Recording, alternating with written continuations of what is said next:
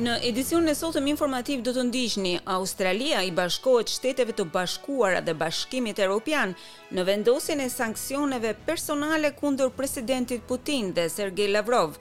Rusia vë veton ndaj një rezolute të Këshillit të Sigurimit të OKB-së që dënon pushtimin e Ukrainës.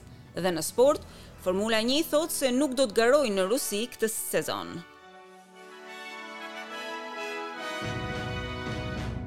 Fillojmë gjerësisht me lajmet. Bashkimi Europian thotë se ka rënë dakord të ngrijë të ardhurat dhe depozitat e presidentit rus Vladimir Putin dhe ministrit të Jashtëm rus Sergei Lavrov, së bashku me sanksione të tjera ndaj Rusisë, për pushtimin e Ukrainës.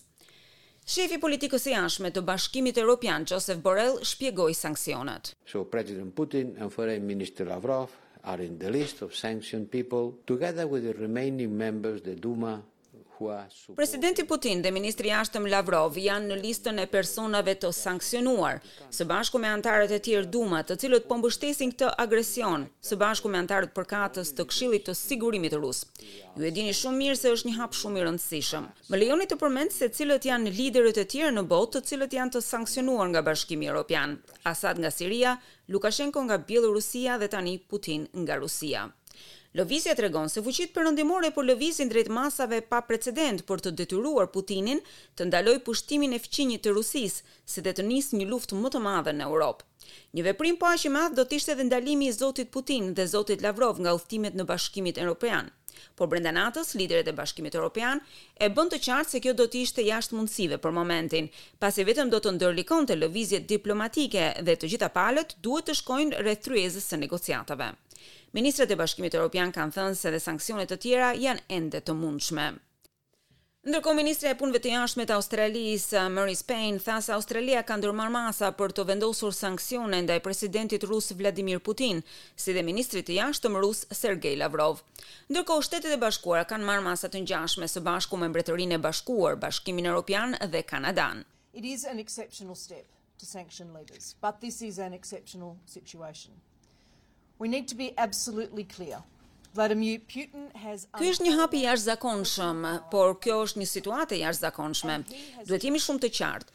Vladimir Putin ka pushtet të pashembullt personal mbi vendin e tij. Ai ka zgjedhur të shkojë në luftë kundër një fqinji, i cili nuk përbënte asnjë kërcënim ndaj tij. Ai do të jetë personalisht përgjegjës për vdekjet dhe vuajtjet e ukrainasve të pafajshëm. Australia ka njoftuar një raund të mëtejshëm sanksionesh, duke sanksionuar gjithashtu tetë pushtetarë rusë, 339 anëtarë të parlamentit rus, të cilët zonja Payne thotë se janë lehtësues politik ndaj pushtimit. Senatorja Payne tha se figurat kryesore në qeverinë bjelloruse, të cilat po nxisin pushtimin, janë gjithashtu në shënjestër, duke shtuar se pushtimi është një shkelje e përgjithshme e ligjeve ndërkombëtare, dhe shkelja më flagrante e sovranitetit dhe integritetit territorial që Europa ka parë në dekada të tëra. Kalojmë në vend, Australia e Jugut ka reduktuar disa kufizime të Covid nëntëmbëdhjetë, pavarësisht një rritjeje të infeksioneve gjatë ditëve të fundit. Numri i personave në spital me Covid ra nga njëqind e nëntëdhjetë e dy të mërkurën në njëqind e dymbëdhjetë dje. Australia e Jugut ka raportuar një mijë shtatëqind e katërmbëdhjetë infeksione të reja me Covid nëntëmbëdhjetë. Ndërkohë, në shtetet lindore të Australisë janë hequr më në fund maskat. Vala e Omicronit ka vazhduar të ulet, ndërkohë që disa shtete lehtësuan mandatet e maskave duke filluar që dje.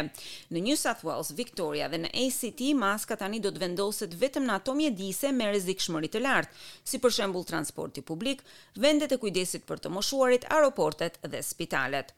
Ka gjithashtu dhe disa përjashtime për nxënësit e shkollave në Victoria dhe në ACT, të cilët duhet të mbajnë maska tani për tani. Queensland ka vendosur të lehtësojë rregullat e maskës dhe kufijtë e densitetit javën e ardhshme. Mandatet e maskave vazhdojnë të ruhen në Western Australia, Tasmania, South Australia dhe Territorin Verior. Një familje pesë anëtarësh dhe qeni i tyre u shpëtuan me helikopter pasi shtëpia e tyre u rrethua nga përmbytjet pas paralajmërimeve të mëtejshme në Queensland rreth stuhive të forta. Familja nga Gympie u shpëtua pasi u bllokua nga ngritja e ujërave dje dhe përmbytjet në këtë shtet vazhdojnë. Rusia ka vendosur veton ndaj një projekt-rezolute të Këshillit të Sigurimit të OKB-së, e cila do të dënonte pushtimin e Ukrainës nga Moska. Ambasadori rus, Vasily Nebenzia, i cili kryesoi dhe votimin, ishte i vetmi anëtar që votoi kundër rezolutës, duke e dënuar atë, pasi Rusia ka një vend të përhershëm në Këshillin e Sigurimit të OKB-së.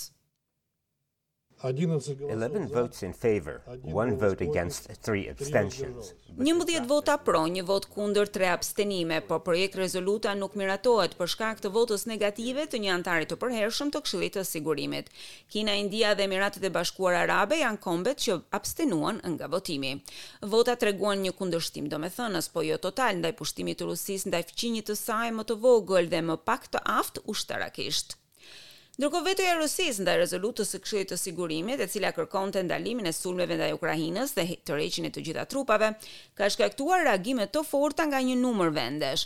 Ambasadorja e Shteteve të Bashkuara në Kombet e Bashkuara, Linda Thomas-Greenfield, thotë se megjithëse Rusia vuri veto ndaj rezolutës, mbeten shumë gjëra për të cilat nuk mund të vendoset veto. Not surprisingly, Russia exercised its veto power. Nuk habitem që Rusia ushtroi të drejtën e vetos. Por më lejoni të bëj të qartë një gjë. Rusi, ti nuk mund të vendosësh veto ndaj kësaj rezolute, nuk mund të vendosësh veto ndaj zërave tanë, nuk mund të vendosësh veto ndaj të vërtetës, nuk mund të vendosësh veto ndaj parimeve tona, ndaj popullit ukrainas, ndaj kartës së OKB-së, Nuk mund të vendosni veto ndaj përgjegjësisë. Ambasadorja e Britanisë së Madhe në Kombet e Bashkuara Barbara Woodward i tha Këshillit pas votimeve se Rusia tani mbetet e izoluar. Kombet e Bashkuara thanë se dhjetëra mijëra njerëz janë larguar nga Ukraina që nga fillimi i sulmit të Rusisë, duke paralajmëruar se numri i refugjatëve që do të ikin në vendet fqinje mund të arrijë në pesë milionë. Kreu i Agjencisë së OKB-së për Refugjatët, Filippo Grandi, tha se më shumë se pesëdhjetë mijë persona kishin ikur në Poloni dhe Moldavi, e të tjerë janë në lëvizje. Shefi i ndihmës së OKB-së, Martin Griffiths, thotë se agjensitë tani po punojnë për të marrë ndihmë për ata që kanë nevojë. Some hours ago there were fifty thousand people who had gone into Disa orë më parë kishim pesëdhjetë mijë persona të cilët kanë shkuar në Poloni, njëzet mijë në Moldavi. Këta janë numrat e Kombeve të Bashkuara, ndërkohë ata persona kanë nevojë për ndihma. E do ta bëjmë këtë menjëherë, sidomos për personat e zhvendosur, por edhe për ata që kanë mbetur në vend. Ata kanë nevojë për ndihmë. E ne do të punojmë nëpërmjet partnerëve tanë lokalë, tha ai.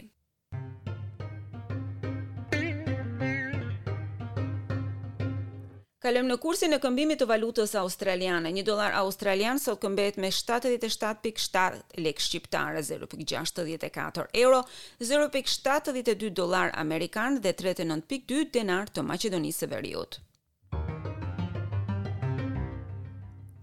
Kalojmë në sport, Formula 1 thotë se nuk do të garojë në Rusi në këtë sezon, duke theksuar se është e pamundur të organizojë një çmim të madh pas pushtimit të Ukrainës. Gara ishte e planifikuar për 25 shtator në Parkun Olimpik të vendit e tani ai do të hiqet nga kalendari për herë të parë që nga debutimi i saj në 2014. Pilotët e Formula 1 e kanë mbështetur vendimin.